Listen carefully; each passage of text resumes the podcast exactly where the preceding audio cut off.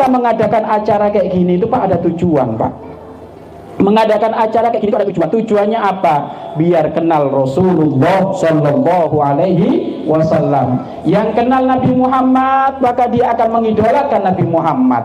Yang tidak kenal Nabi Muhammad maka dia tidak mampu mengidolakan Nabi Muhammad. Maka benar apa yang disampaikan pepatah tak kenal maka tak sah tak sayang yang kenal maka akan sah, sayang. Maka jangan mengenal siapa pun kecuali terlebih dahulu harus mengenal Nabi kita Nabi Muhammad Sallallahu Alaihi Wasallam. Yang anda bikin acara di malam hari ini yang sekarang anda membuat gelar begitu besar acara di malam hari ini ini bukan sembarang orang pak bukan sembarang orang.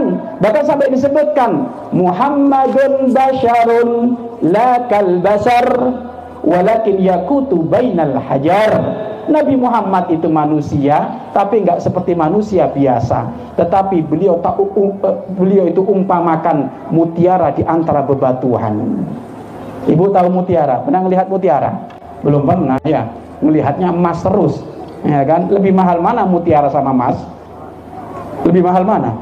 Lebih mahal mutiara ibu Loh Nabi Muhammad itu manusia tapi tidak seperti manusia sedia kala.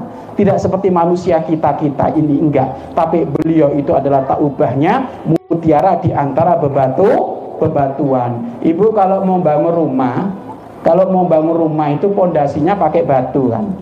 Iya kan? Pondasinya pakai bah, batu. Kira-kira satu rumah butuh batu berapa itu? Batu berapa truk?